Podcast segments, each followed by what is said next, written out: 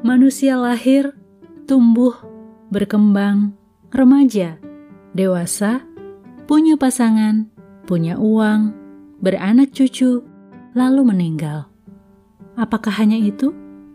Sementara itu, ada beberapa golongan yang sibuk mencari jati diri, permaksana dan sini, gonta-ganti.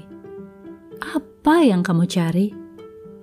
Dikira kebahagiaannya ada di uang, di orang, di barang yang tampak dari luar.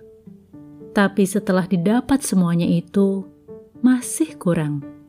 Sebab selama belum menemukan inti, ia akan selalu mencari.